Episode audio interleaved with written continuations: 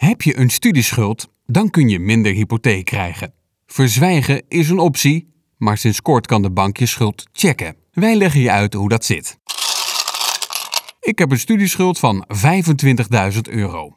Daar maak ik me soms best zorgen om, zeker als ik denk aan een koopwoning. Want met zo'n schuld krijg je minder hypotheek. Kan ik met die hoge huizenprijzen dan nog wel een woning kopen?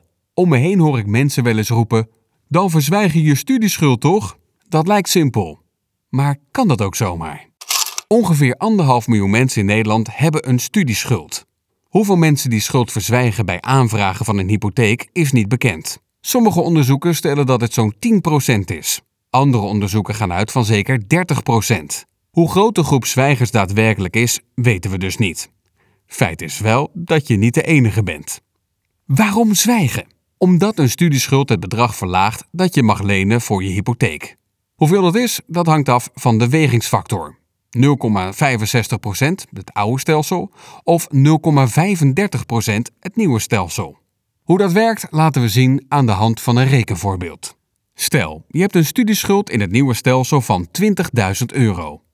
Volgens de wegingsfactor zou je elke maand 0,35% aflossen. Dit is 70 euro. Met je inkomen kan je een hypotheek van 600 euro per maand betalen.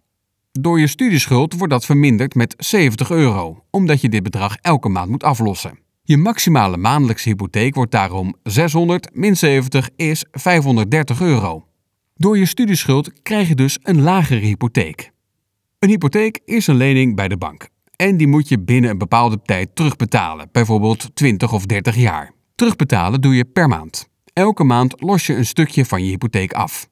Hoeveel jij per maand kan betalen hangt af van je financiële situatie. Bij aanvraag van de hypotheek beoordeelt de bank welke maandelijkse hypotheeklasten jij aan kan. Dus hoeveel jij per maand kan aflossen. De bank kijkt daarbij naar je inkomen en je schulden. Dus hoeveel er per maand binnenkomt en of je al het een en ander moet aflossen. Je schulden checkt de bank bij het BKR.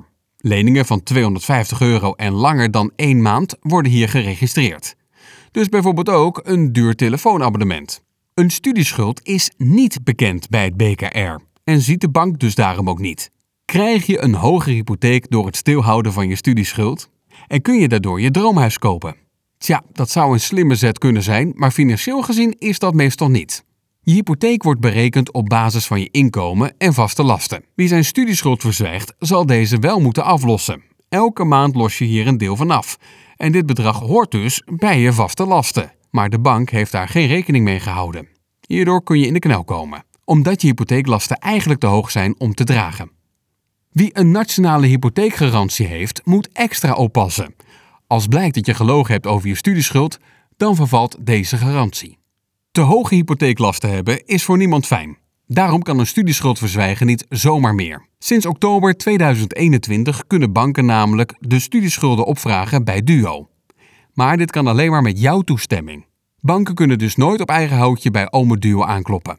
Bij de aanvraag van je hypotheek mag de bank met jouw toestemming checken of je de waarheid spreekt over je studieschuld. Liegen, verzwijgen, stilhouden, het kan dus eigenlijk niet meer. Toestemming geven voor een duo-verklaring is niet verplicht, je mag weigeren. Maar wat de bank doet wanneer jij nee zegt, is nog maar de vraag. Het kan zo zijn dat de bank de hypotheek niet goedkeurt. Eerlijk duurt het langst. En dat gaat ook op voor je studieschuld. Wil je een hypotheek aanvragen, maar zit je in de maag met je schuld? Gooi het gewoon op tafel bij je adviseur. Zo krijg je het beste advies en weet je gelijk waar je aan toe bent. Te veel geld lenen en achteraf in de knoop komen, dat wil je sowieso niet.